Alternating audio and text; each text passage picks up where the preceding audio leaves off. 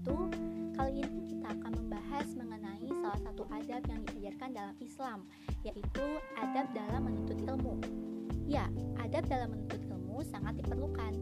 Bahkan Imam Malik rahimahumullah pernah berkata pada orang Quraisy yang artinya pelajarilah adab sebelum mempelajari suatu ilmu. Maka dari itu, sangat penting untuk mempelajari adab terlebih dahulu sebelum menuntut adalah adab dalam menuntut ilmu yang perlu diketahui. Pertama, ikhlas. Seorang penuntut ilmu dalam mencari ilmu hendaknya punya perhatian besar terhadap keikhlasan niat dan tujuan dalam mencari ilmu, yaitu hanya untuk Allah Subhanahu wa taala.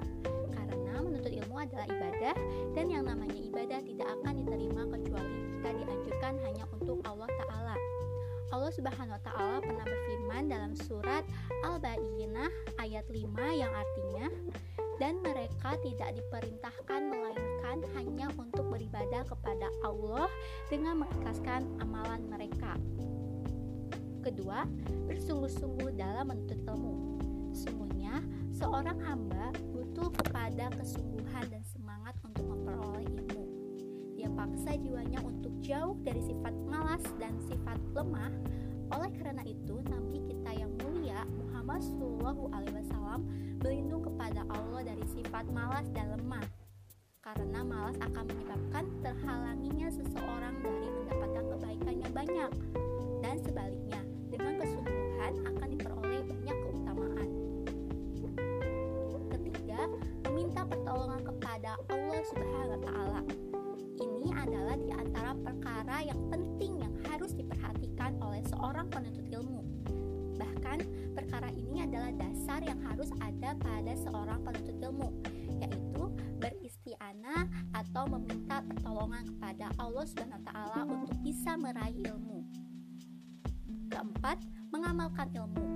Seorang penuntut ilmu harus punya perhatian serius terhadap perkara mengamalkan ilmu. Karena tujuan dari menuntut ilmu adalah untuk diamalkan. Ali radhiyallahu anhu berkata, ilmu akan mengajak pemiliknya untuk beramal.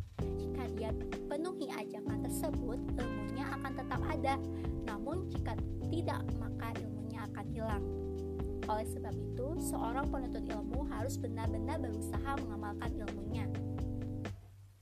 Kelima, berhias dengan akhlak mulia. Seorang penuntut ilmu hendaknya menghiasi dirinya dengan akhlak mulia seperti lemah lembut, tenang, santun, dan sabar. Karena sifat-sifat tersebut termasuk akhlak mulia.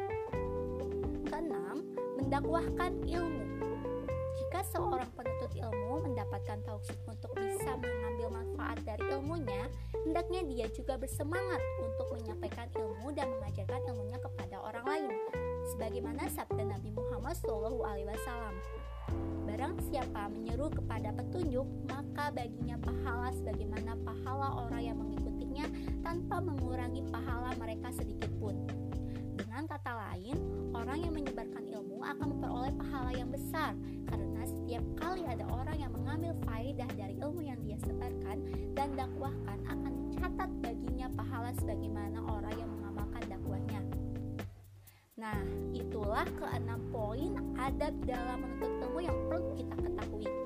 Semoga setiap ilmu yang kita dapatkan bermanfaat dan menjadi berkah bagi diri kita sendiri ataupun orang lain. Amin ya robbal alamin. Cica Siti Nurjana pamit dan nantikan podcast selanjutnya. Wassalamualaikum warahmatullahi wabarakatuh.